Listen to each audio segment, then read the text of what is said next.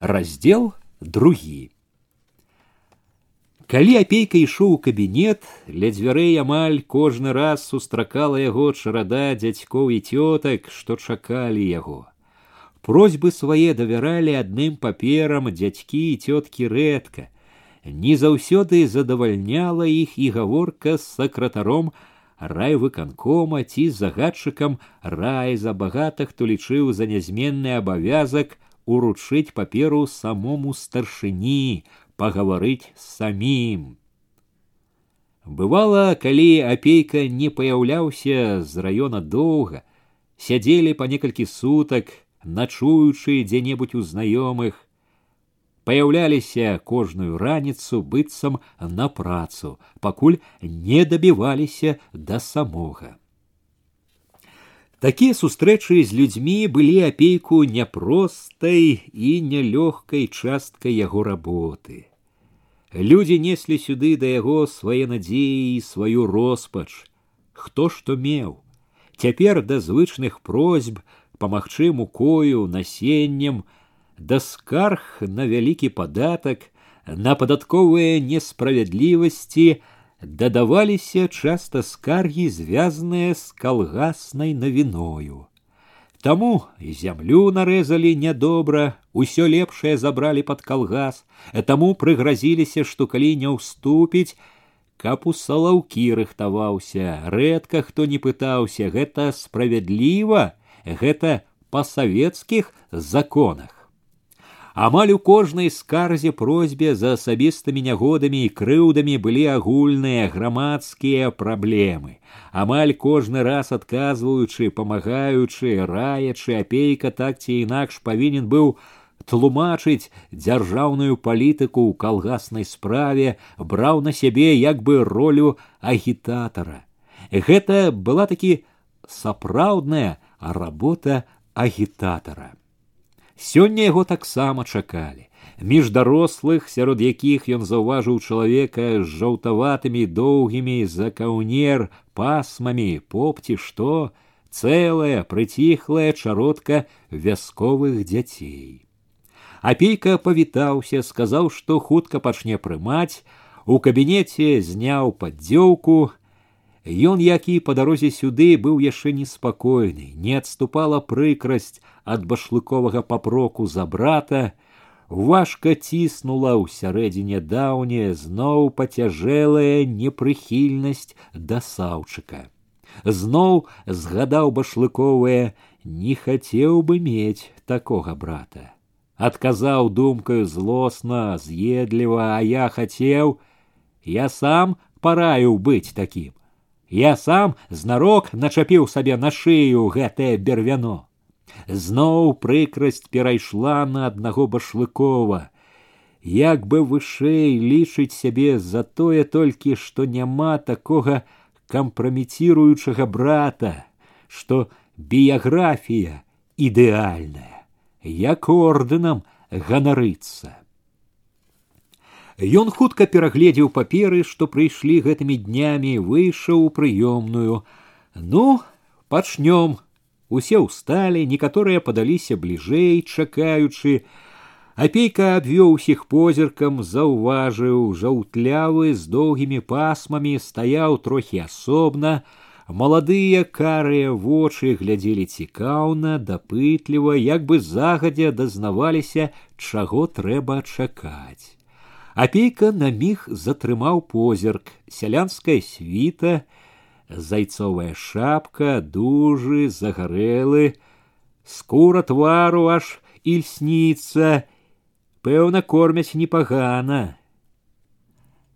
Зразу ж адарваў позірк, спыніўся на купцы дзяцей, нясмелыя, нема прыціхлыя, найбольш сарамяжныя, яны ціснуліся адно да аднаго, амаль усе ў даматканых світках, не зводзілі з яго чыстых даверлівых і вострапільных вачэй. Ён кіўнуў ім весела бадзёрліва вы ўсе разам разам адказаў за ўсіх адзін з шорсткім шэццем няроўна мабыць матчынымі нажніцамі абскубаных валасоў з рашучым мужчынскім басочкам разам пацвердзіў і лысы дядька, што стаяў ля іх як пастух, з шапкаю у адной руцэ, з пугаю у другой. Што ж такое здарылася, што адразу такой грамадой апейка перачакаў момант маўчання, весела запрасіў: « Ну, заходзьце, высветлім. Дзеці заварушыліся, сталі перагаворвацца шэптам, штурхаць адно аднаго, але не пайшлі. І дядька з пугаю таксама ўзяўся з выглядам старэйшага паддаваць смеласці малым, няёмка, нясмела штурхнуў аднаго, другога шапкаю вялеў з папрокам усім: Заходзьце, сказано. Першым адважыўся той жа з шорсткім паскубаным шэццем, за ім беленькая дзяўчынка з ружовымі кругамі на шчаках.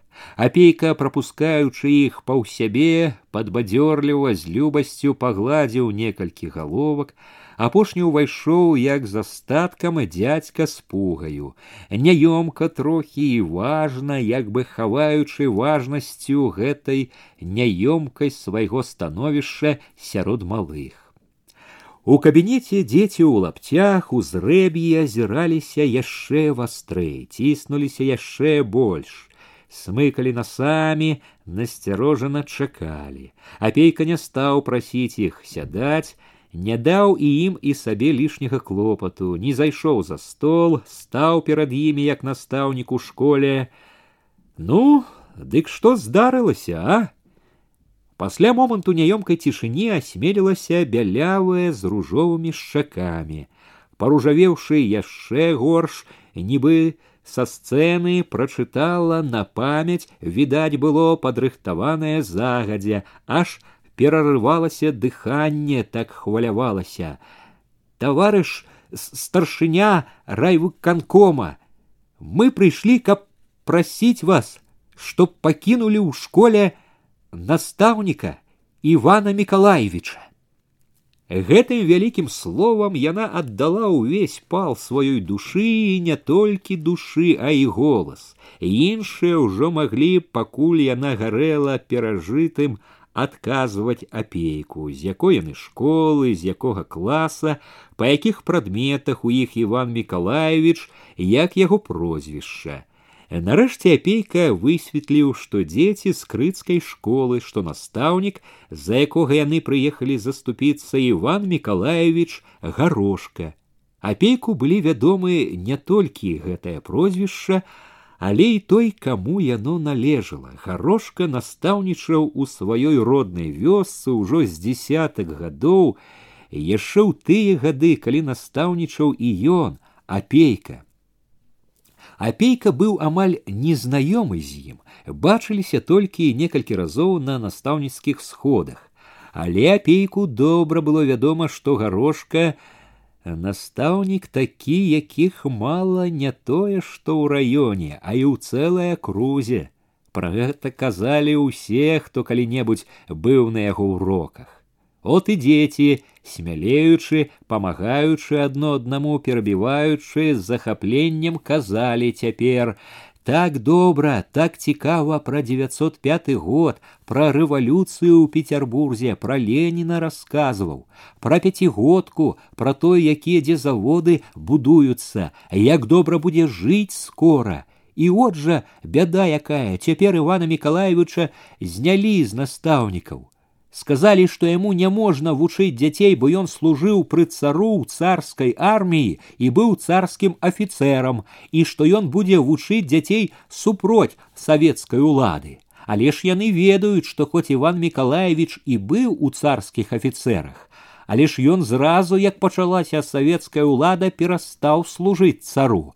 І цара ён зусім гэта яны самі чулі, не любіў ніколі і не любіць і афіцэр ён не з памешчыкаў якіх-небудзь, а з простых людзей, з іх жа сяла. І ўсе добра зналі яго бацьку, і ўсе бачаць, што ўсе гады ён Іван Миколаевич за адну савецкую ўладу стараецца. Апейку вельмі ўсхвалявала дзіцячая шчырасць. слухаючы малых, нібы вярнуўся ў сваю нядаўнюю мілую мінушчыну, нібы зноў быў настаўнікам. Як настаўнік ён добра адчуваў, як важна дзецям тое, што яны кажуць тут, і тое, з чым яны пойдуць адсюль, куды прынеслі сваё давер'е і сваю надзею. Таму жыццёвы вопыт дадаваў да ўсяго сваю долю цвярозай няпэўнасці, ведаў апейка, як няпроста будзе замацаваць у іх веру гэту і надзею. А да ўсяго, што б там ні было, радаваў сам факт. Малыя самі ўсталі за праўду. Вясковыя сарамяжыя прыйшлі ў райвыканком. Малыя грамадзяне будучыні. Ён нібы не поверыў. Хто вас подгаварыў, чтоб прыйсці прасіць за Ивана Миколаевича? Дзеці здзівіліся, Никто. Мы сами. Шкода стала. Мы надумаліся. Няправільна яго знялі. Скажыце, няхай ён зноў вучыць. Збуту не давалі, пакуль не сказаў, што подвязу дядька с пугай покрутіў лысай галавою са здзіўленнем і пашанай. Як машкарэча населі. Апейка веду ўжо, і што гарошку знялі, і як усё было. Хтосьці з пільных гарошкавых землякоў, можа быць, ім вывучаных, месяцы два назад напісаў у сталічную газету, што ў крытах у школе пры патуранні сельсавета і раённага кіраўніцтва замаскіраваўся класава чужды элемент, белагвардзеец, які з залатымі пагонамі і з вінтоўках у руках воевал за цара і ўсякіх урангеляў і губіў няшчадна трудовы народ. У газете з пісьма зрабілі копію, якая і трапіла на стол сакратару юравіцкага райкома партыі. Ліст гэты чытаў у кабінеце башлыкова і апейка. Пад усім, што паведамляў невядомы аўтар газеце і башлыкову, стаяла гордая непрымірымы селькор. Башлыков отдал письмо Харчеву с резолюцией, написанной сверху коротко и ясно «Проверить, принять меры, доложить». Харчаў за які дзень праверыў і на другі дзень лёс гарошкі рашыўся, гарошку знялі з настаўнікаў. Харчаў прапанаваў таксама арыштаваць, і каб не апейка гарошка даўно быў бы за кратамі. Башлыкоў падумаў, павагаўся і схіліўся да апейкі. У апейкі былі моцныя довады. Гарошка трапіў у афіцэры не па сваёй ахвоце, а як настаўнік. У грамадзянскую вайну ніякім белым не быў, рабіў дома, быў потым у чырвонай арміі з першых жа мірных дзён сваіх пасля арміі увесь час у сяле, але вярнуць гарошку на настаўніцкую працу башлыкоў не згадзіўся цвёрда рашуча. І от гэтыя дзіцячыя шчырыя твары, гэтыя вера і надзея, што ён, старшыня райвыканкома апейка, можа сказаць ім, любым і ясным, якія думаюць, што ў свеце ўсё так проста, што праўда і справядлівасць рэчы абавязковыя і лёгкія. Не ведаючы добра, што сказаць ім ён знарок стаў распытваць кожнага, як хто вучыцца, ці добра паводзяць сябе ў класе, ці памагаюць бацькам. Ну што ж, сказаў ён гатовы развітацца. Дякую за тое, што вы сказалі. Я перадам усё, каму трэба, скажу, што вы прасілі. От і ўсё бывайте здоровы некаторыя ўжо сабраліся абнадзеяныя кіраваць да дзвярэй калі бялявая з ружовымі плямамі насцярожылася дак яго оставить нам ивана миколаевича я ж сказаў перадам что вы просили не вы скажите оставить я буду просить не не вы скажите Апейка нічога не сказаў, толькі лагодна, як бацька, які не хоча крыўдзіць малога і не можа даць усяго, што той просіць, усміхнуўся: « Ну, шчаслівай вам дарогі. Яны пачалі выходзіць не вельмі ахвотна, не вельмі усцешаныя, найбольш таму, што дзядзька з пугаю штурхаў іх да дзвярэй, не парадаваў іх, але што ж ён апейка, мог сказаць ім іншае. Адразу за імі ў кабінет ступіў бялявы хлопец у зацяганай, але крамнай падзёўцы, у ружовай і залатанай пад каўняром нязрэбнай сарочцай. Кепка ў яго руцэ была таксама гарадская, з размоклым ад дажджу казырком. Можна зайсці. Хлопец пытаўся ціха, далікатна. Заходзьце, сядайце. Ён і ішоў ціха і сеў на ўскрай крэсла пад уважлівым апейкавым позіркам няёмка адвёў шэрыя з нейкай задуменнай прытойнасцю вочы, потым сустрэўся з апейкавымі і позірк быў ужо цвёрды, рашучы і разам з тым даверлівы. Мяне завуць глушак сцяпан ціха і не адводзячы вачэй ад апейкавых сказаў ён я падаваў заяву у вадавічы хацеў паступіць у вадавіцкую камуну мне спачатку сказалі што добра прымуць а потым адмовілі сказалі што не могуць прыняць таму што мой бацька кулак вы з куранёў перабіў яго апейка скуранёў кіўнуў хлопец ён нялёгка але цвёрда дадаў я сын глушака халімона мабуть знаете мой бацька кулак на яго наложана цвёрдае заданне але я яго кінуў мы з ім цяпер як чужыя чаму вы яго кінулі зацікавіўся апейка хлопец помаўчаў, задумаўся. Я і сам не знаю, як сказаць. Трудно было жыць з ім. Просто не можна жыць стало.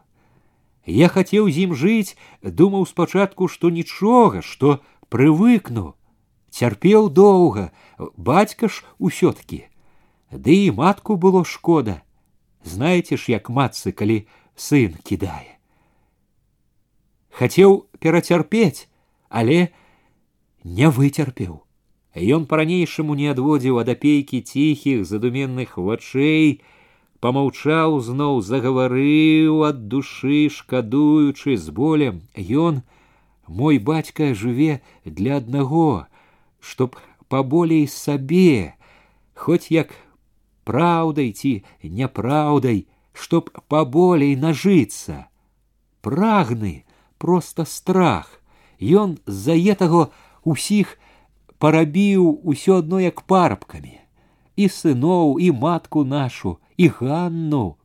Чужых парабкаў не бярэ, баіцца, дык свае як парабкі. Дыхнуць проста няма як. І позіркі тон яго гаворкі былі такія шчырыя, што апейка чуў, праўду кажа, не маніць, так нельга маніць. І раней не было цярпець як, а цяпер дык чаго цярпець, цяпер калі ўсё пачынае па-новаму быць, дак я і кінуў яго, шапіліся адзін раз як не загрудкі. Я і кінуў, пайшоў жыць на волю, як усе людзі.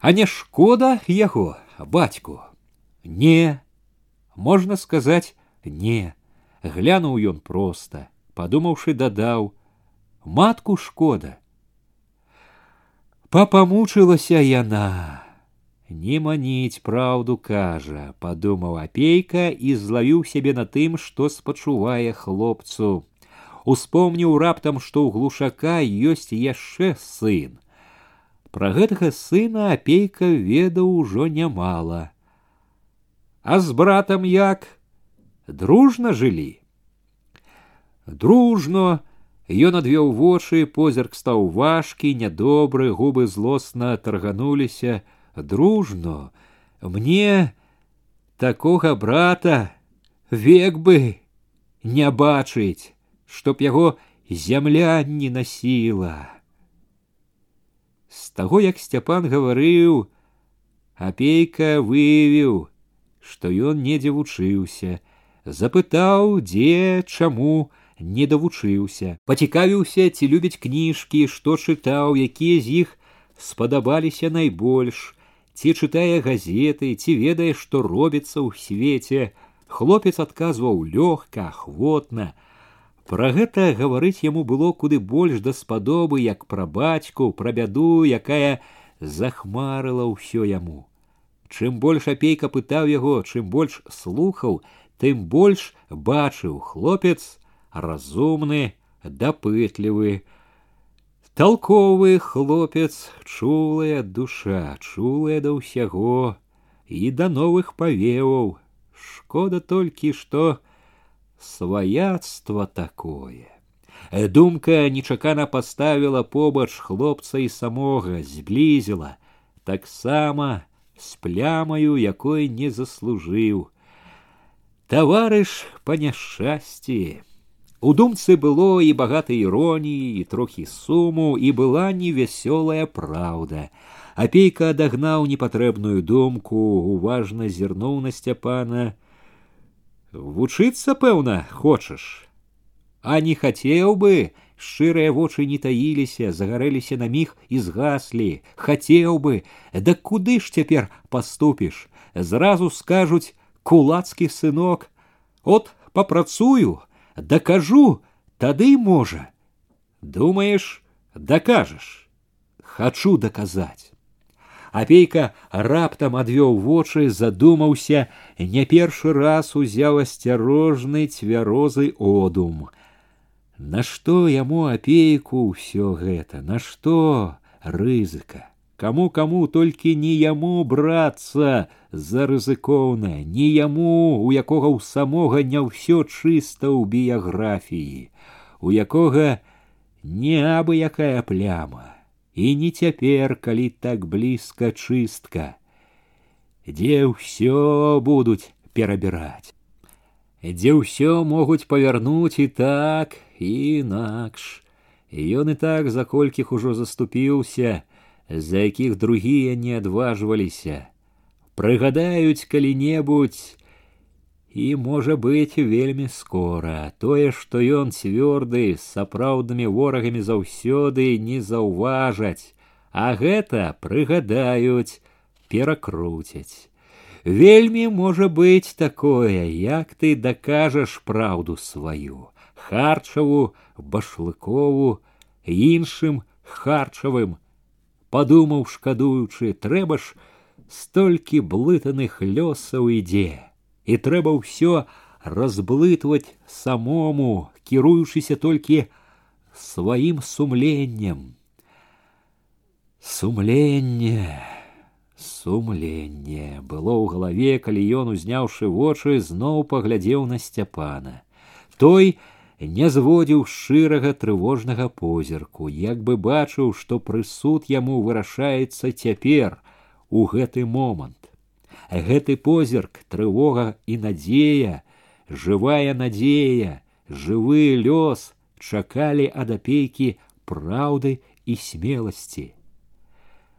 Чалавек з тебе, канешне, можа выйсці, непаганы чалавек, карысны, падумаў ён, гледзячы ў сцяпанавы вочы. У думках прайшло раптам яснае, вясёлае от яна, новага сіла, ад самога глушаковага дрэва адрывае галіны. Роднага сына адарвала. За гэтым зразу ж вясёлае дужае выспела рашэнне што ж так і быць бяры ты плынь нясі яго з сабою мы чысці для новага для нашага жыцця апейка устаў за стола цвёрда паклаў на стол далонь добра пагавару уладжу ўсё уладзіце сцяпан ускочыў не верыў яшчэ толькі каб не падмануў потым каб не прыйшлося чырванець ён як пакляўся не будзеце ну тады бывай здароў апейка падаў яму руку бывайце здаровы сцяпан вылецеў з кабінета апейка глядзеў за стола уваходзіў той з доўгімі жаўтлявымі кудламі ціха акуратна прычыніў дзверы за сабой зняў зайцовую шапку няўпэўнена пакланіўся добрый дзень жалаю вам апейка адказаў не тоечы цікаўнасці цяпер ён бачыў што не памыліўся поп а каб нядоўгія космы дык і не думаў бы спаткаўшы дзе-небудзь світа рудая зайцовая шапка дужыя чырвоныя руки селяніны няхто іншы руки каравыя жылаватыя відаць што ў зямлі корпаліся і пастава важкая, сутулая. Толькі от руки з зайцовай шапкай на жываце склаў як наказанні. Бачыў, маладыя карыя вочы таксама нізалі, выведвалі яго. З чым прыйшлі, запытаў стрымана афіцыйна, не толькі таму, што не любіў гэтых божых служак, а і таму, што хацеў, каб гаворка пайшла зразу ў строгім афіцыйным кірунку. Прыйшоў я з рашэннем вялікім, пакорліва загаварыў поп. Вялікім для мяне, бо яно павінна зразу перамяніць увесь строй майго ранейшага жыцця не зводзячы вачэй запейкі як бы нецярпліва чакаючы прысуду ён сказаў я рашыў змяніць чорную расу свяшчэнніка на сялянскую світку апейка адказаў з іроніяй вы ўжо змянілі яе змяніў спакойна згадзіўся ён а сэрца яшчэ раней Ужо давно под уплывам советской газеты «Правда» и журнала «Бязбожник» я прыйшоў да вываду, што Бога няма і што рэлігія, як правільна вучаць бальшавікі, ёсць опіум народа. І той, хто служыць рэлігіі, ёсць абманшчык, які ідзе супроць народа і савецкай улады. Газета «Правда» и журнал «Бязбожник», якія я чытаю ўжо другі год, адкрылі мне вочы. І я не хачу болей служыць рэлігіі і абману. Я хачу цяпер служыць савецкай уладзе, чтоб выкарчоўваць святы дурман з людскіх галоў. Я прыйшоў да вас з адзінай мэтай, каб атрымаць яснае настаўленне, што мне трэба рабіць для гэтага. Пільныя карыя вочы ўвесь час не выпускалі апейку. Апейка глядзеў на здаровы загарэлы твар, на гладкія чырвоныя шчокі і тоўстыя губы, якія, мабыць, любілі смачненька і думаў хітры, разумны ліс. Пачуў, што паленым пахне, што лепш пераадзецца не тоечы, што не вельмі верыць у шчырасць папоўскага ўчынку, сказаў усё ж: Гэта пахвальна, што вы рашылі. Памаўчаў, проста зірнуў карыя вочы, чужа востра, Няхай бачыць, што ён апейка разумее ўсё, як яно ёсць. Значыцца, вы пытаецеся, што рабіць, каб памагчы нам. Именно па гэта я прыйшоў да вас. Вельмі добра. Калі так растлумачу, у іранічным ладзе апейкавай гаворкі паявілася дзелавітасць. Вы свяшчэннаслужитель. Служка рэлігіі, якая, як вы сам сказали дурманіць людзей. Так рэлігія, мы не тоем гэтага адна з самых чорных сіл, якая перашкаджае нам бальшавікам. Адна з самых чорных і ўчэплівых. Нашы агітатары самі ў рэлігіі слабаватыя, агітацыю вядуць не ведаючы добра справы наогул. Вы ж, мабыць, прадмет гэты ведаеце дасканала. Я вучыўся мала, ну все-таки больш за наших. Ведаеце канкрэтна з фактамі. У вас ёсць веды. Дужая, с жаўтлявымі пасмамі голова сціпла кіўнула, веды такія сякія, канешне, ёсць. Апейка параю, вот і павярніце веды свае супроць рэлігіі. Я паспрабую. У вас гэта павінна добра выйсці. У вас не толькі веды, а і аўтарытэт. Сам слуга Божы супроць. Гэта само па сабе значыць штосьці. Поп кіўнуў галавою, кіўнуў важка, як бы паказваючы, што справа гэта ўся няпростая яму, падзякаваў апейку за параду, паказаў нават, што збіраецца ісці, схамянуўся, зірнуў заклапочана. Даруйце, але цяпер, калі я пераступаю на новую сцежку, на плечы мае кладуцца і зямныя турботы. Мне трэба думаць пра тое, каб зарабіць свой сумленны кавалак хлеба. У сельсавеце ёсць вакансія начальніка пошты.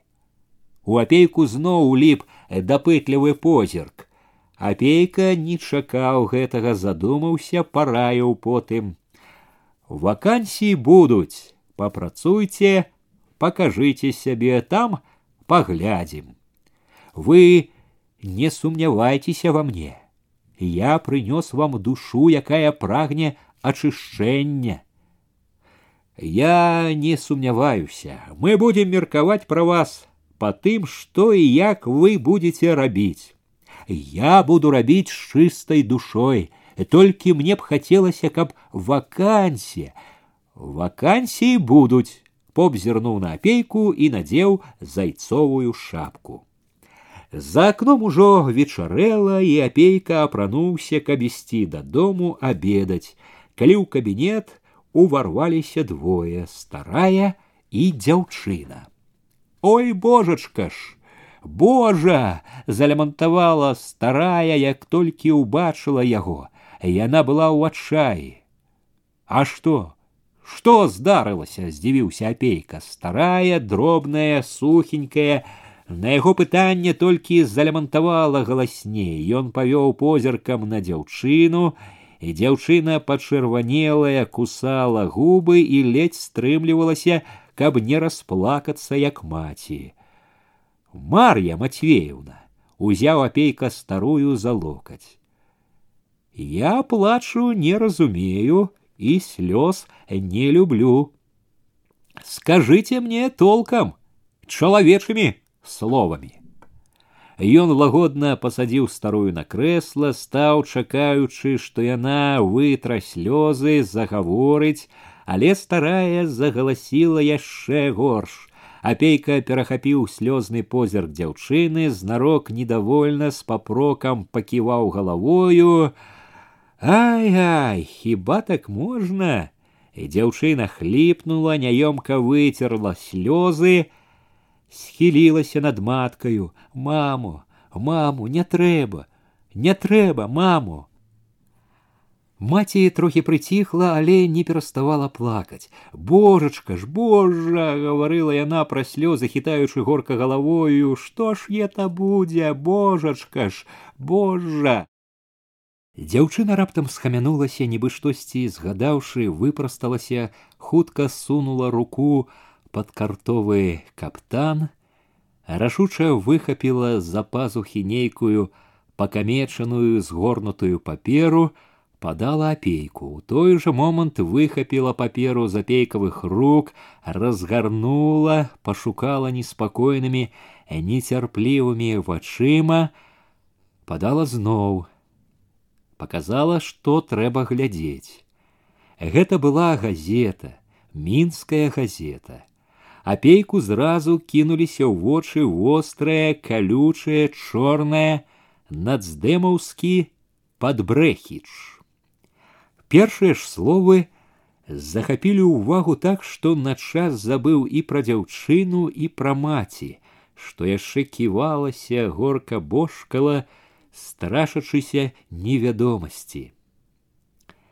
У гэты сусветна адказны час, калі класавая барацьба бязмежна абвастраецца, класавы вораг выкарыстоўвае любыя метады, каб расстроіць шчыльныя шэрагі бальшавіцкай моладзі, каб адхіліць іх, а ў канчатковым выніку адарваць іх ад генеральнай лініі бальшавіцкай партыі. Асаблівую ролю адыгрываюць у гэтым ланцуговыя сабакі, наёмныя служкі сусветнай буржуазіі і сусветнага нацыянал-фашызму, нацдэмакраты розных масцей і гатункаў. Гэтыя вылюдкі злейшыя ворагі працоўнага чалавецтва, спадзяваліся на нашу палітычную слепату, спадзяваліся, што ім удасся непрыкметна пралезці ў нашы рады, тайна весці сваю брудную работу буржуазных паслугачоў. Але іх разлікі праваліліся, дзякуючы вострай бальшавіцкай пільнасці, вужачыя гнёзды гэтых замежных падкідкаў нацдэмаў выкрыты, і па іх раз'юшаных руках ударна са ўсёй бальшавіцкай прынцыповасцю і смеласцю. Уся студэнцкая грамадскасць з энтузіязмам ухваліла гэтыя неабходныя меры. Аднак мы не можам закрываць вочы на такія агідныя факты, што сярод некаторай няхай нязначнай часткі моладзі ў мінскіх інстытутах знайшліся аслепленыя страціўшыя класавае чуццё інтэлігенцікі, якія не толькі не далучыліся да суцэльнай масы студэнцтва, а фактычна сталі на бок выкрытых і асуджаных усёй масаю нацдэмаўскіх багоў. Адзін з такіх нацдэмаўскіх падбрэхічаў так званы паэт Алесь маёвы. Апейка хоць ужо здагадваўся, пра каго гаворка, запыніўся. Алесь маёвы, так званы паэт Алесь маёвы, у сваім лакейскім асляпленні дакаціўся да таго, што нават выступіў на сходзе літфака, дзе спрабаваў узяць пад абарону выкрытых багоў з бруднага нацдэмаўскага балота. Вось да чаго можа давесці страта класавага чуцця і пагарда разбэшчанай паэтычнай асобы да імкнення і волі калектыву.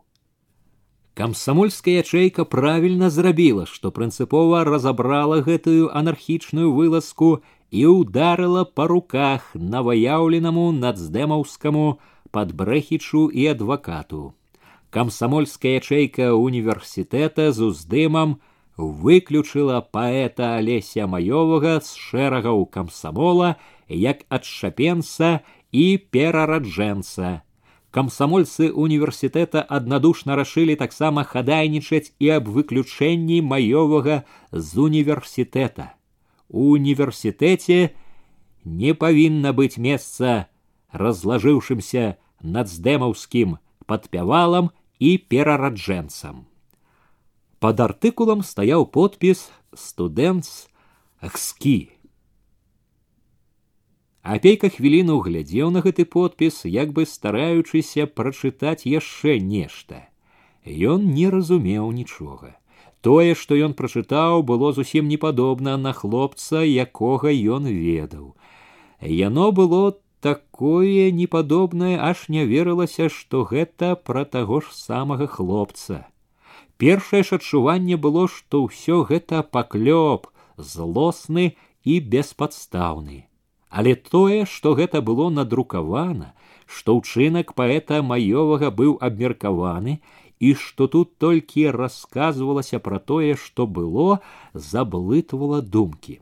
Ён ухапіў трывожным позіркам словы, знайшліся аслепленыя, страціўшыя класавае чуццё інтэлігенцікі, зноў ужо не так хутка, нецярпліва, з цвярозай пільнай развагай стаў перабіраць радок за радком. Як ад шапенца і перараджэнца. Засела ў апейкавай галаве, калі ён зноў дачытаў артыкул, утаропіў позірку загадкавая студэнт хскі. Усё ж апейка гэта цяпер адчуваў асабліва добра. Артыкул быў туманны. Пры тых вельмі моцных ясных палітычных абвінавачаннях амаль нічога пра факты. Факты ўсе гэтыя вельмі агульныя, выступіў, заступіўся, дакаціўся, але гэтая няяснасць, туманнасць доказаў якраз і трывожылі апейку боль за ўсё. За імі магло быць усё самае страшнае. Хоць што магло быць горш, страшнае, відаць, ужо здарылася асабліва страшнае таму, што неспадзяванае і неспадзяванае і незразумелае. От паехаў вучыцца, сказала раптам са шкадаваннем матка. У людзі захацеў выйсці. Выказала не першы, відаць, раз набалелае ўжо. Вывучыўся. Апейка пачуў гэта і як папрок сабе. Ён быў тым, хто угаворваў яе, каб не трымала пры сабе, пусціла ў свет сына. Не вытрывала з бязлітаснай строгасцю, асудзіла сябе, яго апейку, як чула сэрца. Сядзеў бы дома ціха, бедны ды рады, Апейка не запярэчыў ёй, ведаў, што спрачацца пустое, не дакажа цяпер нічога. А больш не мог спрачацца таму, што бачыў яе вочы. Гэты позірк запомніўся яму навек, прытомленыя, выцвілыя ад гадоў ад польнага ветру ды сонца амаль ужо бясколерныя вочы яе былі надзіва празрыстыя, як бы свяціліся знутры, можа таму, што ў іх яшчэ былі слёзы, што яны так свяціліся. Апейка не тое, што адчуў, а ўбачыў вачавіткі такую нязмерную пакуту, такое гора і такую трывогу, што здаўся сам вінаватым нібы сам быў злачынцам перад ёю. Няхай бы сядзеў дома ціха. Мімаволі адвёў позірк, заўважыў, як пільна востра глядзела маладымі яснымі вачыма яе дачка. Што ён мог зрабіць для іх? Усё, што ён мог пакуль, ён мог адно супакоіць іх, хоць трохі абнадзеіць, Ён мог гэта і ведаў, што гэта трэба зрабіць, перш за ўсё. Ерунда нейкая, сказаў ён як мага спакойна. Абыякова згарнуў, абыякова адкінуў газету, ерунда. Напісаў нехта, мабыць, па злосці. Па злосці, Канешне, па злосці ухапілася, засвяцілася матка. Парэпанымі крукаватымі пальцамі стала борзда выціраць павесялелыя вочы. Дык жа пішуць, абмяркоўвалі на сходзе, не падалася сястра, глядзела ўсё так жа востра, недаверліва. Ну і што, што абмяркоўвалі? Усё магло залежаць ад таго, як далажылі як показалі тое, што было. Не па праўдзе показалі, не разабраліся. Выключылі ж пішуць з камсамольцаў, з універсітэта хочуць. Эх ты, падумаў недовольна апейка, але загаварыў спакойна, стрымана ўвесь час, нягледзячы, бачыў уважлівы матчын позірк. Маглі і выключыць не разабраўшыся под гарачую руку, поддаўшыся таму, хто нагаварыў са злосці, дзіва што, супакояцца, разбяруцца, пераменяць усё, пераменяць абавязкова. Па злосці, па злосці Ніна падтрымала апейку матка. Е то праўда, па злосці, па праўдзе такога і падумаць не падумаў ніхто, па злосці, подумала заклапочана. Э толькі ж хто это на яго мог так уз'есціся і за што? Это ж трэба з'есці гатоў. Навярнуў такога, што страх слухаць. На хлопца, які век птушаняці не зачапіў, не тое што чалавека. Яна глядзела на апейку, шукала ў яго згоды, і ён згаджаўся, падтрымліваў яе. Кажуць, заступіўся за кагось. За паганаго бога якогось. Цяпер усе багі паганыя сталі. Слова не скажы добрага, а ён і заступіўся. Слова, можа, толькі сказаў, дак е ты нелюдь і ўз'еўся, навернул такое на человека. По злости, конечно, по злости ўсё. Дак кажаш, вернуть усё яму. Павінны вернуть. А як же іначай? Кеп жа тое было, дай божачко. Ніна маўчала. Было відаць, не супакойвалася, ужо не так для маці, як для яе сказаў. Скоро поеду в Минск на сессию ЦВК. Зайду сам, разбяруся ва ўсім. Паказваючы, што з гэтым кончана, што гаварыць больш няма чаго, пацікавіўся. А як там дома с хлебом, с картопляю? Ды картоплі хопіць, і з хлебам пераб'ёмся неяк, Матка зноў згадала, як чуло сэрца, калі ехаў, як знало, не так сабе балело, сядзеў бы няхай дома ціхо. Усё будзе добра, Мар'я Матвеевна. Дык кажаце, хлеба хопіць.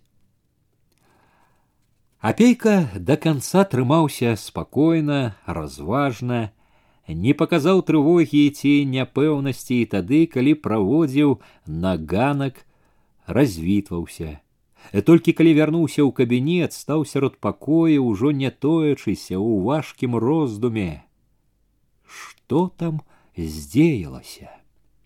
Ён забыў, што збіраўся быў ісці, стомлена сеў на край стола і сядзеў у змроку, не варушачыся, думаючы гэтае адно што там здзеялася. Усё, што ён прачытаў, было такое неспадзяванае, так не пасавала з тым, што ён ведаў пра хлопца дасюль, што і цяпер яму не верылася, думалася пра нейкую невядомую недарэчнасць ці несправядлівасць а разам з тым галава ўжо неспакойна дашуквалася прычыны таму што магло прывесці да таго сходу да ўсяго што было там на сходзе да гэтага туманнага і страшнага артыкульчыка ў газеце што ў тым артыкуле праўда і што няпраўда колькі яе праўды і якая яна думкі біліся ў пошуках загадки ішлі одна за адной самые розныя завабілі ашукалі адшмурылі прыгожымі і лжывымі словамі пакарысталіся маладой даверлівасцю ці неразумная ганарлівая задзірлівасць жаданне паказаць сваё я Няўжо і праўда перарадзіўся, перакінуўся к чужым радам, разлажыўся, разбэшчаны прагай славы, аблытаны настаўнікамі. Не, не быць не можа. Што ж тады? Паклёп, злы нагавор, помста нядаўняга таварыша, з якім шчапіўся чаго-небудзь.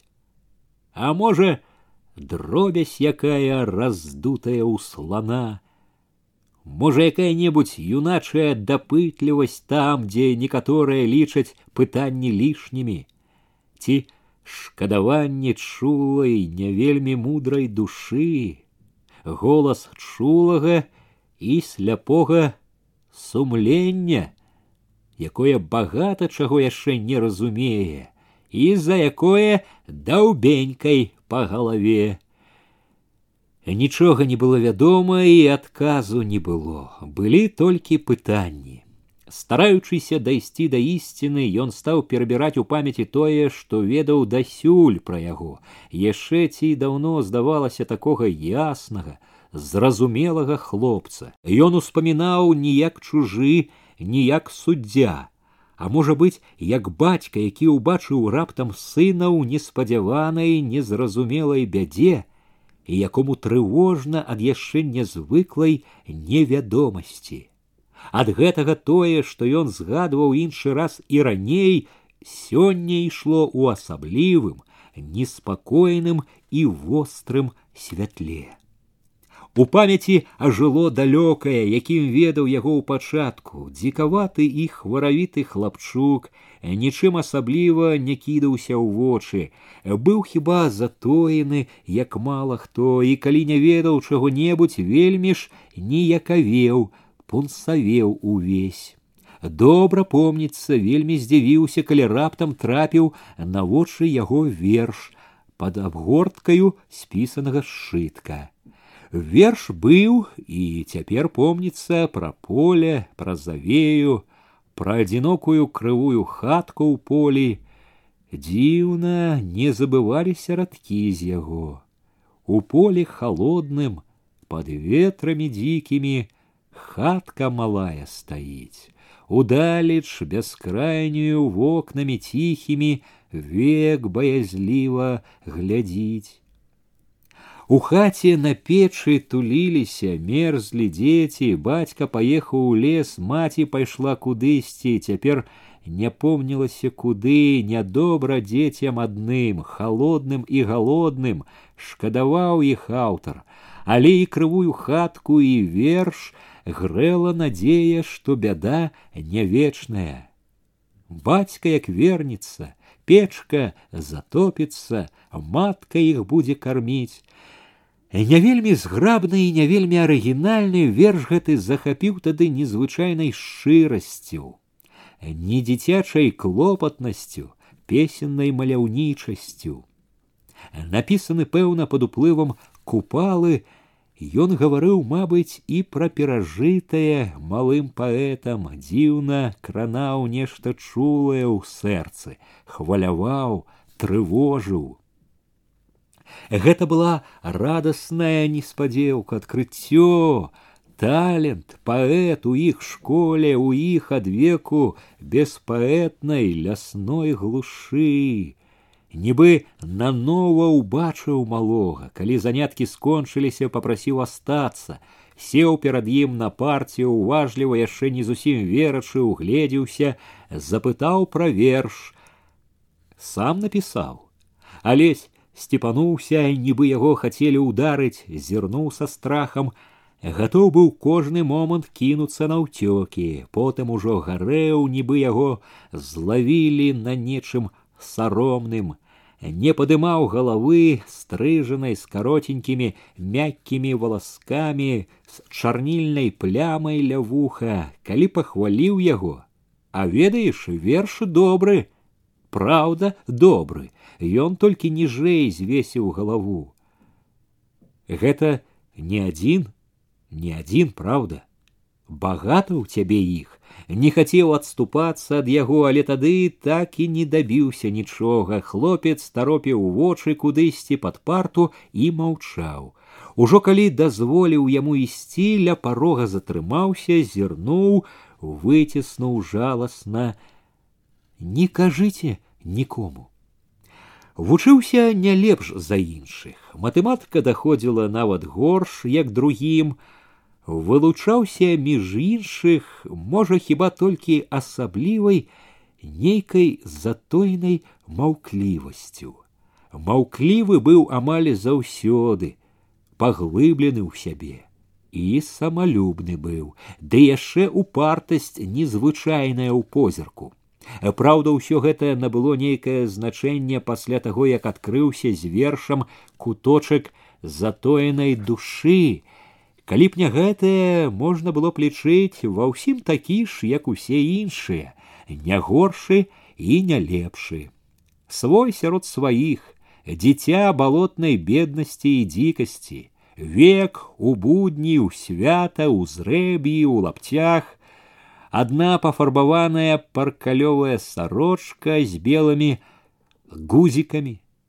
Ботаў, можа, і не абуваў ніколі. Потым не раз ездзіў у яго буду кубку хат сярод панурага лесу, заходзіў яго дамоўку, Хата была трухлявая, тесная, низкая. а голова доставала ледь не до столи, до побеленных белек. Была темная, у трох гнилых, мизерных окенцах ни одна шибка была заткнута анучами. Сеўшы першы раз на асінавы ўслон ля акна, гледзеўся з неабыякім хваляваннем, згадаў нанова знаёмы верш, Тут просто у вачавіткі было видно, што нарадзіла тыя шчырыя маркотныя радкі. Іх жыло тут трое, акрамя хлопца, маці ўдава ды меншая сястра Ніна. Бацька ўжо багата гадоў ляжаў недзе ў салдацкай магіле, і маці нібы жартам, нібы і сур'ёзна казала пра малога: « Мужчынка мой, хадзяін наш хадзяін тады сядзеў каля палацяў набычыўшыся таропіў вочы ў земляны дол і не пярэчыў. Ад хаты гэтай да школы было нямала небагата кіламетраў сем амаль увесь час між лесу ды балота Кожны дзень у цяплыню ў сцюжу, у слату і ў завеі хлопец са зрэбнай мачнай торбачкай цераз плячо цярпліва мераў гэтыя сем кіламетраў, мераў з кубкай сяброў ці здаралася найбольш у непагодныя дні адзін. Было ўсялякае. Адзін раз мала не прапаў між белага балота, мяло вельмі, што ні крок, то по пояс пагрудзіў снег, знясіліўся ўшчэнт, а другі раз быў месячны вечар, мороз прадзіраў рэбры под світкамі, піліпаўскі мороз. У траіх з такімі ж, як сам хлопцамі ледзь не трапіў у зубы раз'юшаных ад голаду ваўкоў махали ломачинами, торбачками, спрабавалі крычаць, грозіцца, чулі, як сцінае сярэдзіну ўжо не толькі холата і страх. Гайня не адставала, усё насядала. Хто ведае, чым бы кончылася, але ім пашчасціла. Пад'ехалі акурат падводы з дзядзькамі, дзядзькі адагналі клыкастых.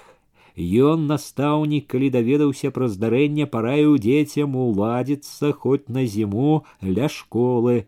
Хлопцу ж сам найшоў хату, даў гаспадыні грошай, хлопец пераначаваў дзве ці тры ночы і ўцёк. Пытаўся тады яго, можа, пакрыўдзілі чым-небудзь. Супакоіць хацеў, Калі пакрыўдзілі бяда невялікая, можна іншую хату наняць, але хлопец, гледзячы ў дол, упарта пакруціў галавою не трэба. Так і не дазнаўся, чаму. З таго дня хлопец зноў мераў дарогу кожны дзень, пакуль не скончыў школу. Гарачым і бліскучым летнім днём з маткаю завёз яго на станцыю, купіў білет да гомеля, даў грошай на дарогу, выправіў у рабфак. Як вялікую удачу ўзрадаваўся, калі той прыслаў ліст, што здаў экзамен і што яго прынялі. Але найбольш парадаваў хлопец усё ж тады, калі на другую ўжо восень прыслаў газету з першым надрукаваным сваім вершам. Тую газету бярух і цяпер, хоць яна была цяпер не адна, дома быў цэлы пачак розных па назвах і па даўнасці газет, якія збіраў, зберагаў як дарагое і важнае. Цяпер, калі хлопец вучыўся ў мінску ва універсітэце, вершы нярэдка друкаваліся амаль ва ўсіх сталічных газетах. Неяк у адным з нядаўніх лістоў алесь між іншых навін сціпла пахваліўся, што хутка, можа быць, выйдзе нават цэлая кніжка. С той пары, як вершы сталі паяўляцца часта, ён падпісваў іх ужо не сваім прозвішчам, а прыгожым паэтычным псеўданімам маёвы, алесь маёвы. Апейка ніколі не зважаў асабліва на прозвішчы, але хлопца не судзіў. Гэта быў, калі падумаць, не такі ўжо і нікчэмны ўчынак. Як ніяк хлопец не проста хлопец, а паэт. Не выходзіць жа паэту ў свет са сваім недарэчным заяц хама. Вершы паэта зайца само па сабе гучыць так, што смяяцца можна. У паэта, ды яшчэ паэта ў такі час прозвішча павінна быць годнае. Ён недарма выбраў сабе такое прозвішча маёвы. Ён і пісаў, можна сказаць, пра май, пра веснавую радасць, пра радасць росквіту. Яго вершы былі пра разлеглыя без меж палі, якія будзіць сваім гоманам працавіты трактар, пра рабфакаўца сына сяла, што да світання хіліць чубатую галаву над кнігаю, марыць, пабачыць родную вёску ў сонечным шчасці, пра жанчыну гаротніцу, што вясковую вуліца ідзе не ў царкву, а ў школу змагаць векавую цемру, пра радасць, што карагодзіць сёння ў вёсцы і ў горадзе пра жыццё што бурапеніць новымі песнямі і справамі вершы былі прыгожыя падобныя на песні часам здавалася мала канкрэтныя як бы затуленыя ружовым ад сонца туманам але заўсёды узнёслыя шчырыя ад усяго юначага сэрца чытаў іх не так, як іншыя, чужыя, а так нібы ён таксама меў да вершаў не абы якое дачыненне. Згадалася, якім паявіўся алесь у яго кабінеце мінулай зімой па дарозе з калінкавіч. Нібы нанова адчуў дужы мужчынскі поціск абветранай, нахаладалай рукі алеся, убачыў заружавелы хорошай маладосцю твар, радасныя і чыстыя без хмурыначкі вочы. Былі раскіданыя нецярплівыя роспыты, цікаўныя позіркі на яго яшчэ вясковы, падлатаны на рукаве кажушок, на новую фасоністую з гузікам на макаўцы мінскую шапку, на ботах раставаў мёрзлы снег, кропелькамі мутнеў на шыйках, на носках, боты былі зграбныя і моцныя, добрая і радасная абноўка. Вёс, мабыць, нейкі падарунак дамашнім. Паставіў ля парога чырвоны з гнутай фанеры круглаваты куферачак. Потым ківаліся побач у выканкомаўскім васку, под ціхі спорны спеў палазоў, под рыб гужоў, знарок выправіўся ў дарогу і ў яго сельсавет, каб падвесці хлопца і пабыць разам яшчэ. Алесь маўчаў, але па вачах яго, што паблісквалі пад фасоністай шапкай, што ахвотна прагна лавілі ўсё, што выбягала насустрач блізка і далёка, бачыў, што госць яго рады без меры даўно нябачаным палям, снежнай звонкай чысціні, лёгкаму, крылатаму лёту васка. У куточках алесевых вуснаў, западнятага прыцярушанага снежным пылком каўняра, здавалася, кожны момант гатова была зайграць усмешка. Хоць было весело і глядзець на чужую бесклапотную радасць, глядзець і маўчаць, не ўтрываў ўсё ж, попрасіў яго прачытаць што-небудзь сваё. Алесь, што ўвесь, мабыць, поўніўся радасцю сустрэчы, неспатольнай цікаўнасцю, адчуваннем лёту, не адразу нібы зразумеў, пра што яго просяць. З няёмкасцю ціха сказаў, што не хочацца. Падумаў трохі, відаць, разважыў, што адмаўляць настаўніку свайму нядобра, хрыплаватым голасам нясмела па-вучнёўску пачаў.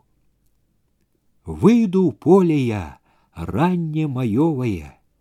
Ой ты шыр, ты калгасная шыр, Вея хвалямі мора жытнёвая, хмеліць радасць песня ў душы.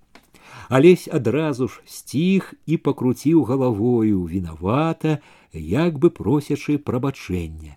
Было відаць, што хлопец адчуў сябе ніякавата, глядзеў на дарогу ўжо з нейкай клапотнай нездаволенасцю.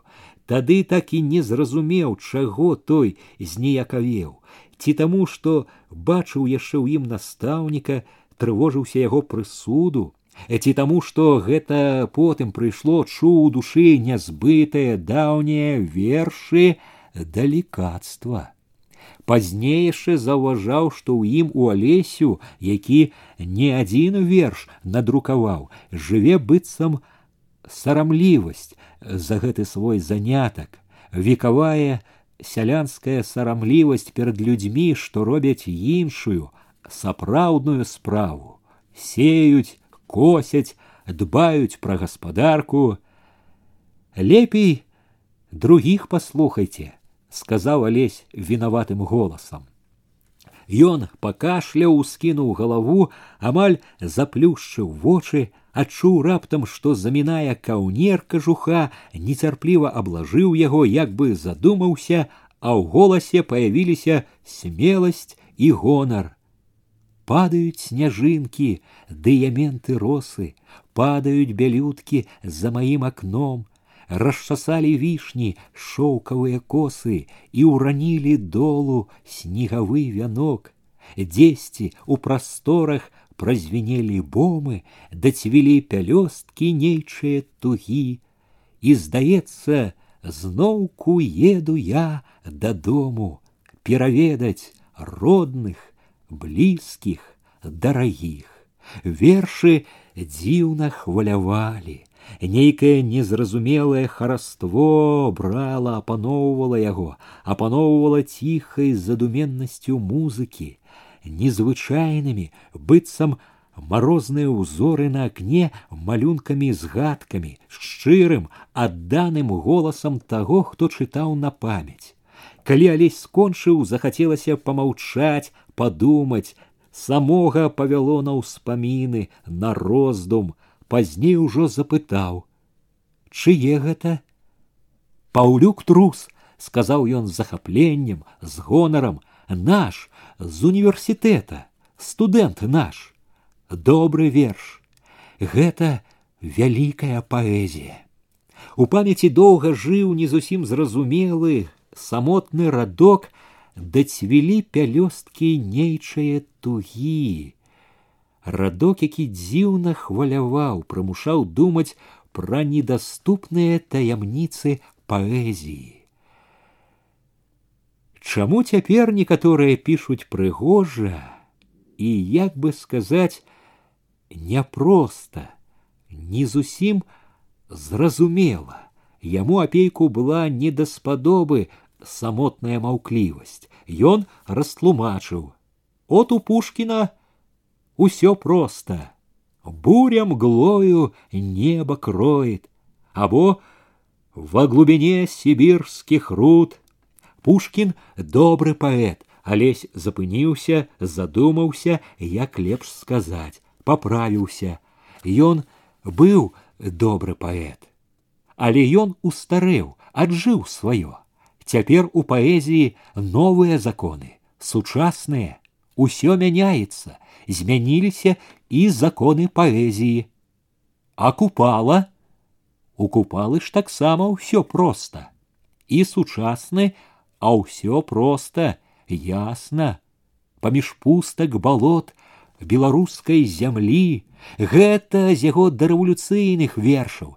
Цяпер і ў купалы іншыя матывы і стыль іншы. Возьмите яго арлянятам. Купала таксама стараецца ісці ў першых шэрагах новай паэзіі. Праўда, яму нялёгка вызваліцца ад грузу старога. І тады, калі пярэчыў алесь гаварыў мякка, без якой-небудзь амбіцыі, адчувалася ў тоне яго гаворкі не толькі павага да былога настаўніка, а і добрая, нерастрачаная ў горадзе сціпласць. Пры ўсёй далікатнасці сваёй усё тое, што думаў, ён гаварыў цвёрда, пераканана. Ён апейка сам пярэчыў алесю мякка, як бы засцярогаю. Можна сказаць, не так і пярэчыў, як выказваў свае сумненні, не траціў адчування, вучань вырас.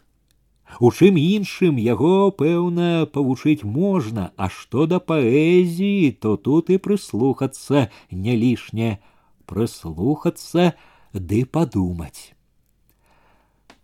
По-мойму, галоўнае правіла, якога трэба трымацца паэту і цяпер, як і тады, старацца пісаць прасцей, гаварыў ён алесю як можна прасцей, каб кожнаму было зразумела, каб кожны селянін, кожны рабочы мог чытаць. Гэта правільна. Мы аб гэтым акурат і стараемся, але ў паэзіі зноў цярпліва ўзяўся тлумачыць алесь свае законы, свая мова, свае вобразы, свой лад. У кожны час у паэзіі былі свой лад, свая мова, адны у Пушкіна, другія ў нас. Мяняецца час, мяняецца і паэзія. Так было ва ўсе часы. У наш час гэты закон дзейнічае яшчэ мацней. Наша грамадства не падобнае ні на што з таго, што было раней. Гэта ставіць і асаблівыя, незвычайныя задачы паэзіі. Нашым паэтам трэба шукаць таго, чаго да іх не рабіў ніхто, адсюль і ўся радасць і ўся бяда. Пушкін гэта выпрабаваная. Да Пушкіна прывыклі. Наша ж паэзія, як кветка, што толькі пусціла парасткі. Навіна, рунь зялёная. Вядома, мы яшчэ не ўсё знайшлі. Мы шукаем. Я гэта разумею. Уся соль, по-мойму, у тым, што шукаць і як шукаць. По-мойму, заўсёды трэба помніць пра людзей, якія цябе чытаюць і слухаюць. От як хочаш браць, а я хоць забі не разумею, Нашто ў вас гэтыя бурапеніць, карагодзіць, хоць забі не разумею. Хіба ж у нас мала слоў тых, якія ведаюць людзі, Хіба імі не можна выказаць усё, што хочаш. Дак ці ж, канешне, выдумляць яшчэ. Мы не можам не шукаць, а разам з усім іншым і слоў не здаваўся алесь. Можа, не ўсё ўдала выходзіць, канешне, не ўсё ёсць нямала, канешне, і смецця, але шукаць усё-ткі трэба. Новае нельга выказаць толькі старымі злінялымі словамі. Новаму трэба і новыя словы.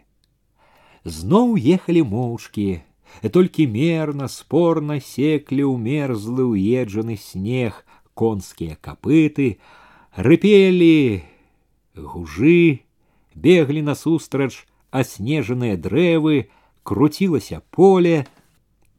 Алесь падняў каўнер, схаваў макава чырвоныя вушы, убіраў бліскучымі вачыма зменлівае яркае хараство дарогі.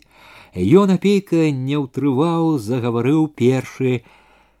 Чытаю я, бывае, і дзіўлюся, столькі арганізацыі развялося розных.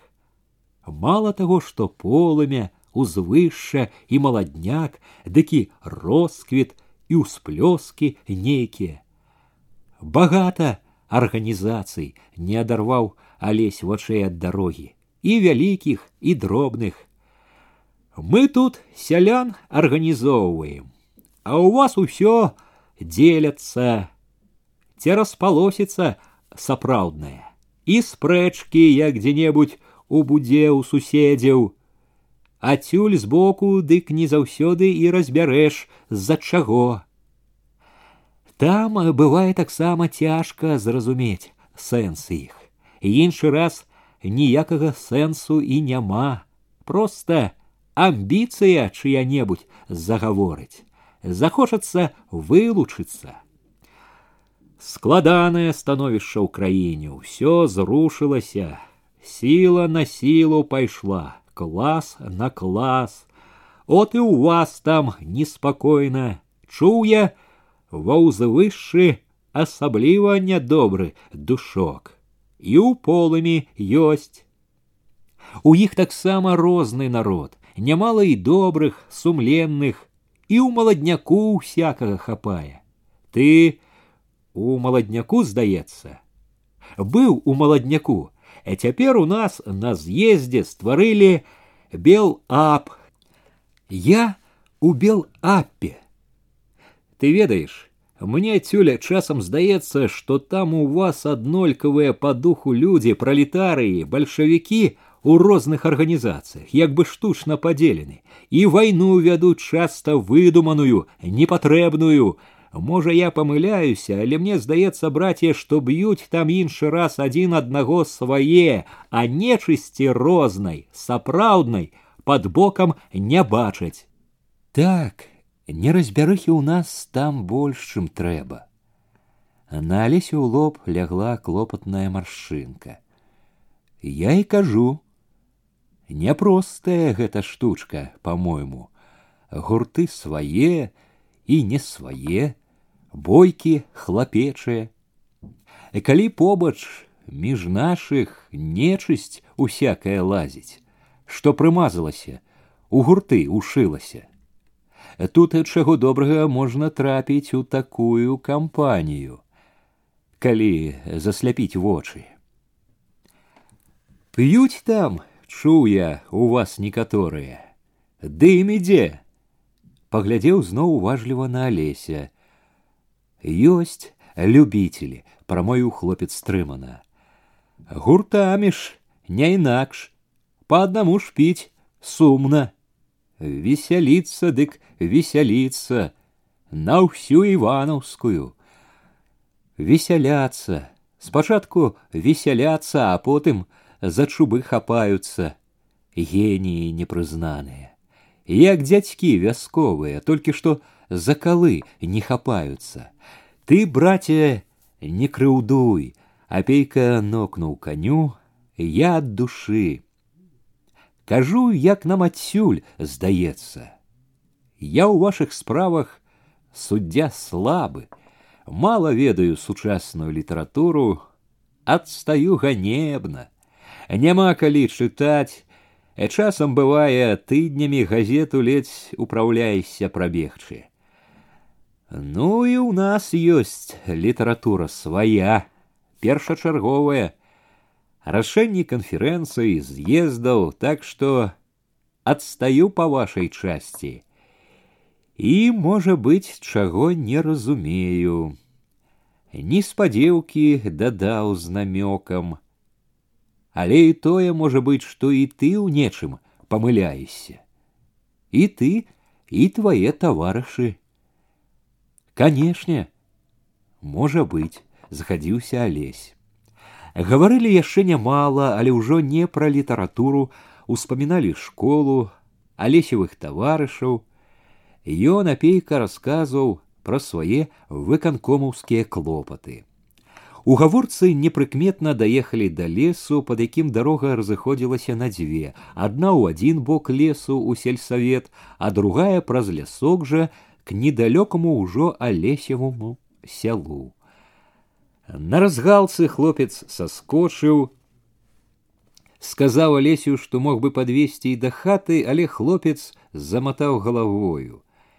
Не трэба, дабягу сам, тут блізка ускінуў на плячо фанерны куфэрачык удзячна памахаў рукою і борзда у кажушку у ботах у фасоністай шапачцы подбегам падаўся дарогай да хаты адышоўшы азірнуўся замахаў яшчэ рукою едучы маўклівым вусцішным лесам доўга і радасна думаў пра алесе выйшаў хлопец у вялікі свет распраўляе крылы от и няшчодрая на хлеб и на пісьменнікаў балотная палеская зямля пачынае даваць свету паэтаў няхай ён яшчэ толькі спрабуе голас няхай яго пакуль не вельмі шырока чуваць хто ведае як ён узляціць потым калі памацнеюць крылы калі набярэцца сіл хто ведае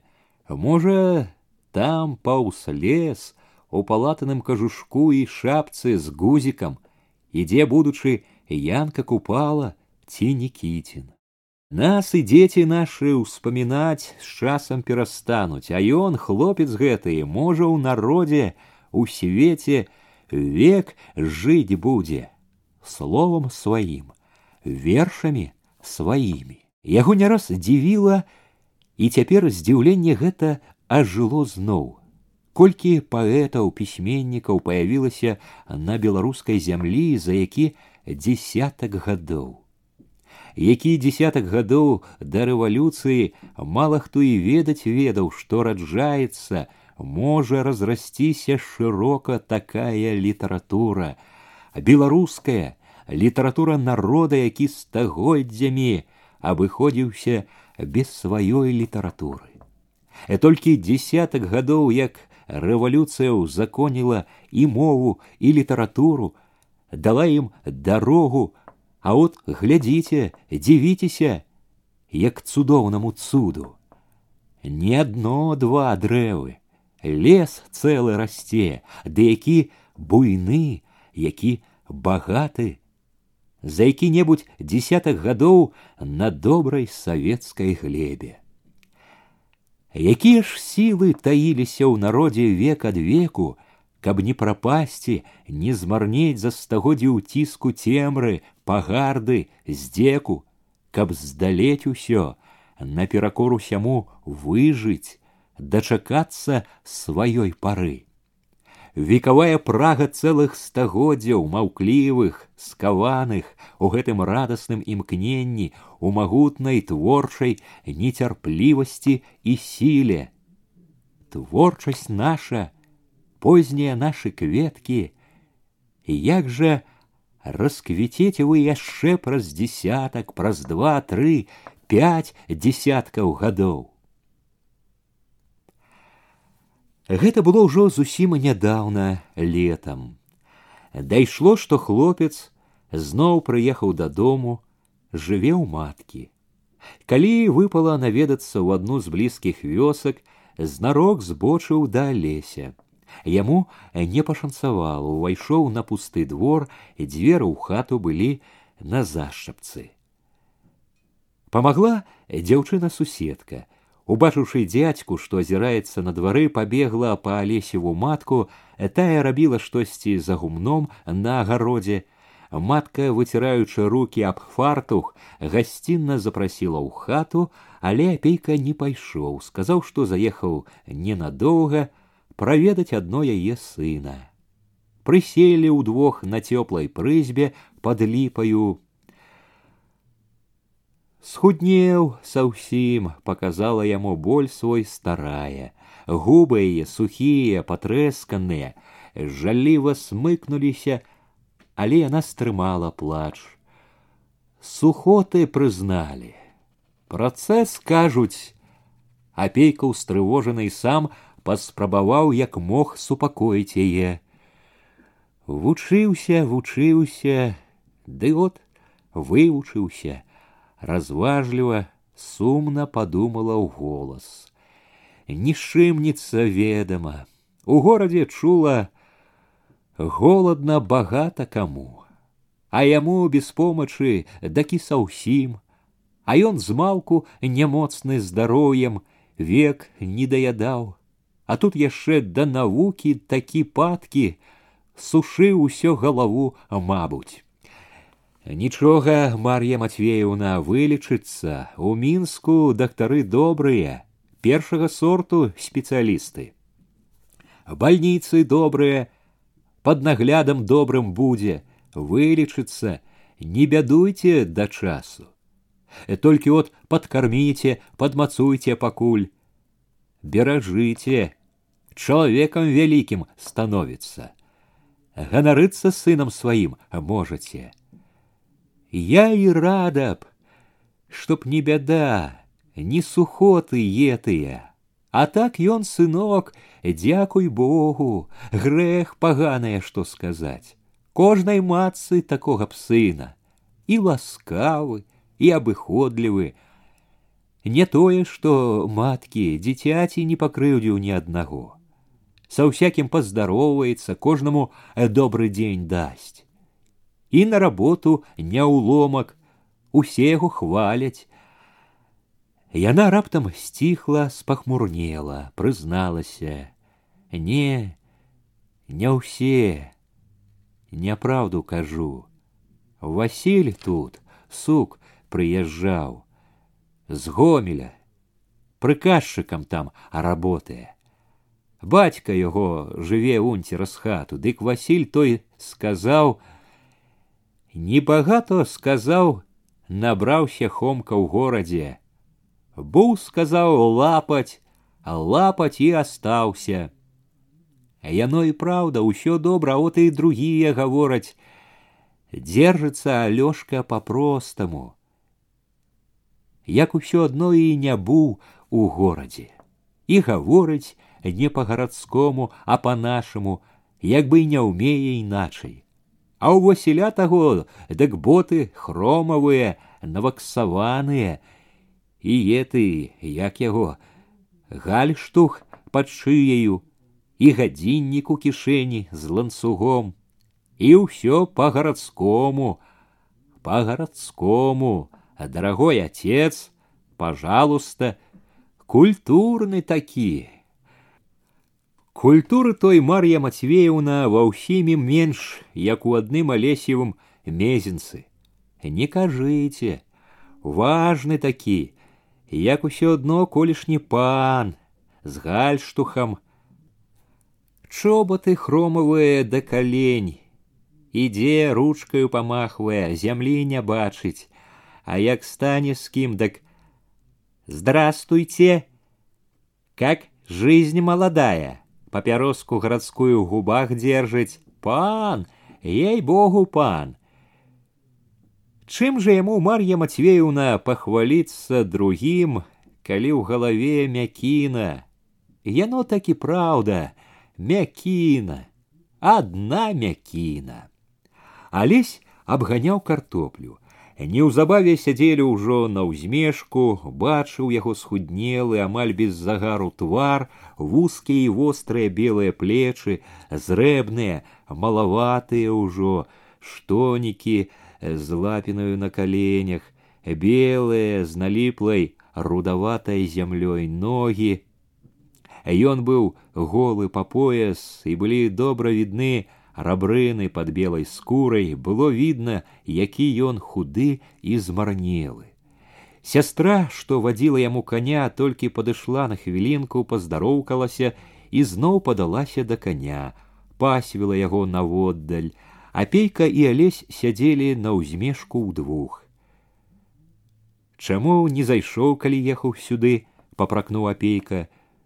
Я заходзіў, вас не было, у раёне сказали пераказаў бы ці паперку оставіў бы што вярнуўся на радзіме мало у вас клопату без мяне я думаў быў чыркнуць два словы а потым рашыў не трэба скажы палінаваўся на першы раз даю вымову другі раз калі такое паўторыцца будзе горш запомні ён усміхнуўся запомню надоўга на месяц болей трэба на паветры добрым трэба пабыць агародам пакарыстацца свежай зелянінаю у рэдакцыі прасілі у газету я ўладзіўся рабіць трэба летам раз'язджаюцца ўсе з-за гэтага найбольш і ўзялі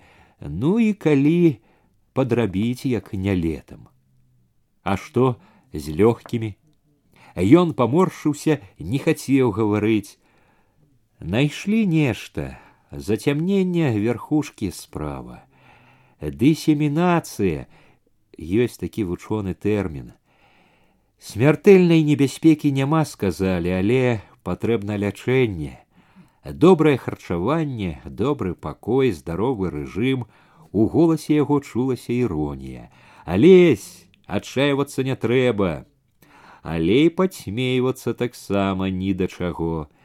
Тваё здароўе не аднаму табе трэба, улавіў іранічную усмешачку, не даў запярэчыць яму.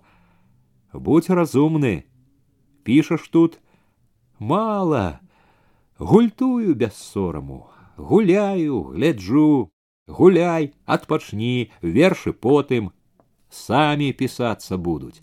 Э, дарэчы, загараць табе здаецца покуль не трэба што ў горадзе вучыўся багата экзамены дык не вельмі і бачыў сагнаў усмешку заклапочана змоўк неспакойна ў горадзе пошасць розная галаву ўзнімае усякі бруд на паверх вылазіць ну і дурняў багата што толькі бруд і бачаць усюды.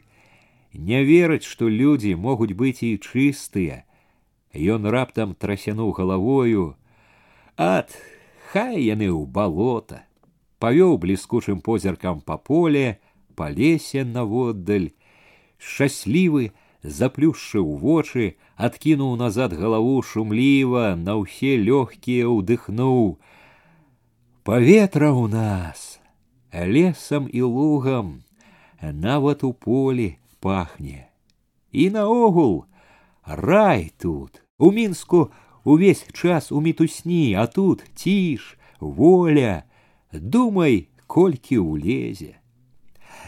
Здаецца, усё запомнілася з гэтай сустрэчы, але з асаблівым жалем згадваліся белыя вострыя плечы, рабрыны пад белай кволай скурай, з трывогай успаміналася яго іранічнае ёсць такі навуковы тэрмін дысемінацыя потым ад урача даведаўся як мае быць што значыць гэты навуковы тэрмін. Напісаў яму на універсітэт ліст і прасіў і загадваў берагчы сваё здароўе сур'ёзна паставіцца да хваробы успамінаў вядома і клопатнасць маршчынак на алесевым твары і неспадзявана вясёлая ад і захопленая зачараваная ціш воля згадваючы ўсё не бесклапотна ўспамінаў тое што ён кінуў пра бруд пра дурняў якія не вераць што ёсць чыстыя але неспакой гэты трывожыў яго толькі наогул як агульная трывожная з'ява а не як бяда што мае асаблівае дачыненне да хлопца. Трывожыўся адно пра яго здароўе. Адсюль ён чакаў бяды. І вось на табе Цемра ў кабінеце пабольшала, а ён усё сядзеў на стале, перабіраў усё ў памяці, стараўся развязаць неспадзяваную, незразумелую зусім загадку. Выдумка, паклёп прыходзіла зноў партая самая простая, наплёў нейкі дурань і пайшло, а там і надрукавалі. Думка такая прыходзіла апейку найбольш ад таго, што яму хацелася каб было гэтае самае лёгкае для леся і ад таго, што яна найлепш адпавядала ўсяму, што ён ведаў пра хлопца. Але цвярозыя развагі адна за адной бурылі гэтае добрае, жаданае. Так проста і надрукавалі б. Усё ж там блізка было ля газеты. Усё видно, праверылі, узгаднілі, ды і ясна сказана ж, абмяркоўвалі на камсамольскім сходзе. Калектыўная думка. Гэта заводзіла развагі ў тупік. Тая ж самая цвярозасць казала, што як бы там ні было, хоць і абмяркоўвалі, хоць і надрукавалі, усё гэта няпраўда, а ячэйка не могла памыліцца ячэйка маладыя гарачыя хлопцы і дзяўчаты якія так лёгка паддаюцца настрою бываюць выпадкі і дарослым не хапае цвярозасці дарослым спакайнейшым вопытным а то ж маладыя гарачыя Што б там не здарылася апейка быў перакананы ў адным не можа быць Не можа быць таго, што напісалі. Няпраўда. Але перакананне гэта ўсё ж не супакойвала, што не думай, а мяркуючы па артыкулу і сходу штосьці ж было там. Нейкая няхай не такая, як там у артыкуле навернута. Прычына была ўсяму. Прычына, што дала пачатак гэтаму. Была. Што ж яна за такая? вучыўся вучыўся і вывучыўся успаміналася яму матчынае тады прыходзіла на памяць тое што ён ведаў пра асяроддзе у якім давялося жыць хлопцу ў мінску прычына адчуваў апейка была не інакш тут даверлівы зялёны вясковы хлопец шчырае няхітрае дзіця трапіла ў хеўру спрактыкаваных лоўкіх нячыстых махляроў адшмурылі, зацягнулі, загубілі. Апейка з газет ведаў, колькі іх там такіх затоеных, яўных, нядобразычлівых, нават варожых ахвотнікаў муціць ваду і галовы людзям.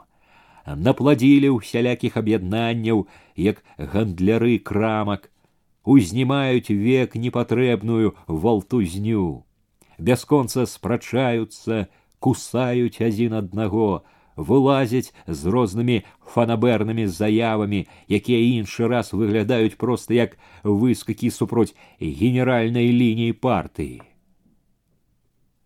Чорт ведае, што ў іх там робіцца.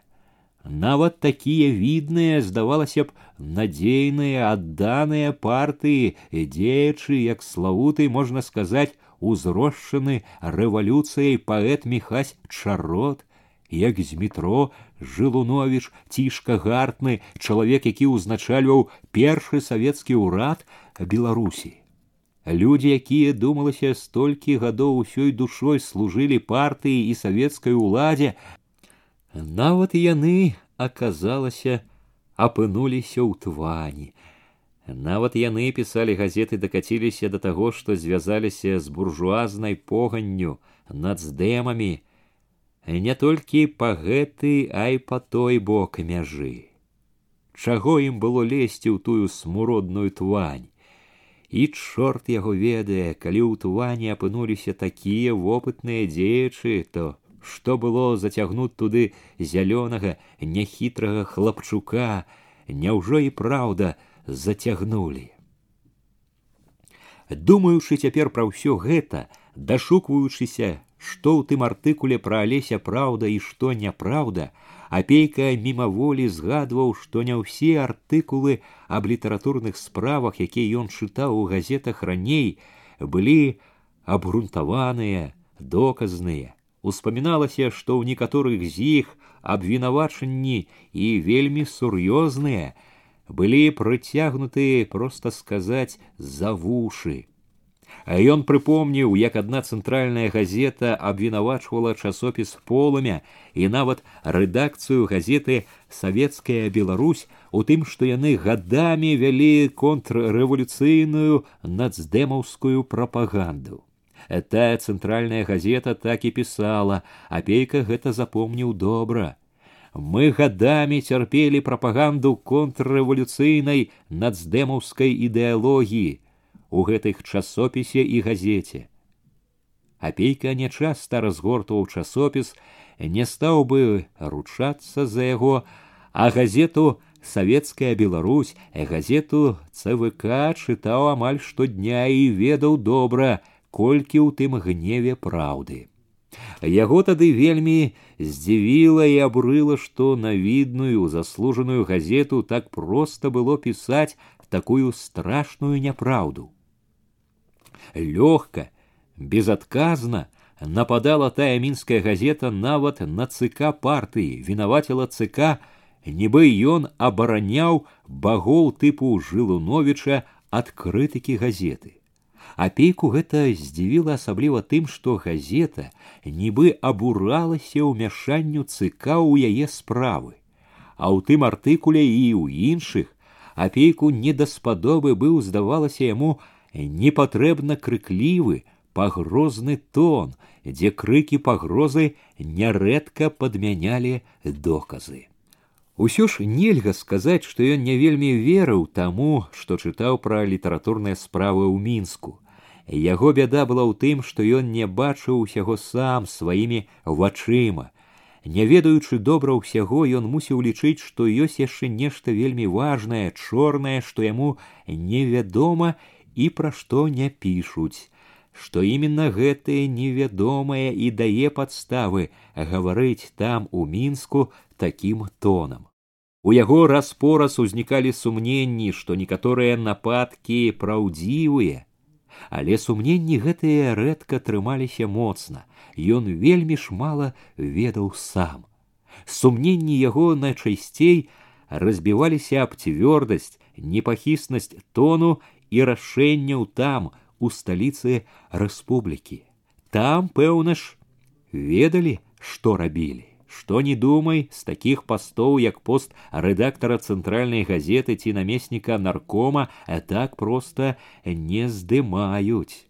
Ды яшчэ такіх відных пісьменнікаў, відных дзеячаў, як міхась чарот і цішка гартны. Пэўна ж, ёсць важныя прычыны. Цяпер даўнія сумненні ажывалі зноў, зноў трывожылі. Алесь, канешне, не цішка гартны і не міхась чарот, але ці няма ў тым, што было з імі з гартным і чаротам адгадкі і алесевай гісторыі. Ён толькі мог гадаць пра гэта, як і пра незразумелы артыкул. У думках не было яснасці, думкі блыталіся ў потемку, ды і як яны маглі выбіцца з потемку, калі невядомыя праўдзівыя факты, факты, факты, от што трэба высветліць самому. Апейка раптам схамянуўся, заўважыў за акном, было зусім чорна, трэба дадому. Не запальваючы лямпу, стаў вобмацкам, збіраць паперы на стале, паклаў у шуфляду, замкнуў яе. Паеду на сесію, там і высветлю ўсё.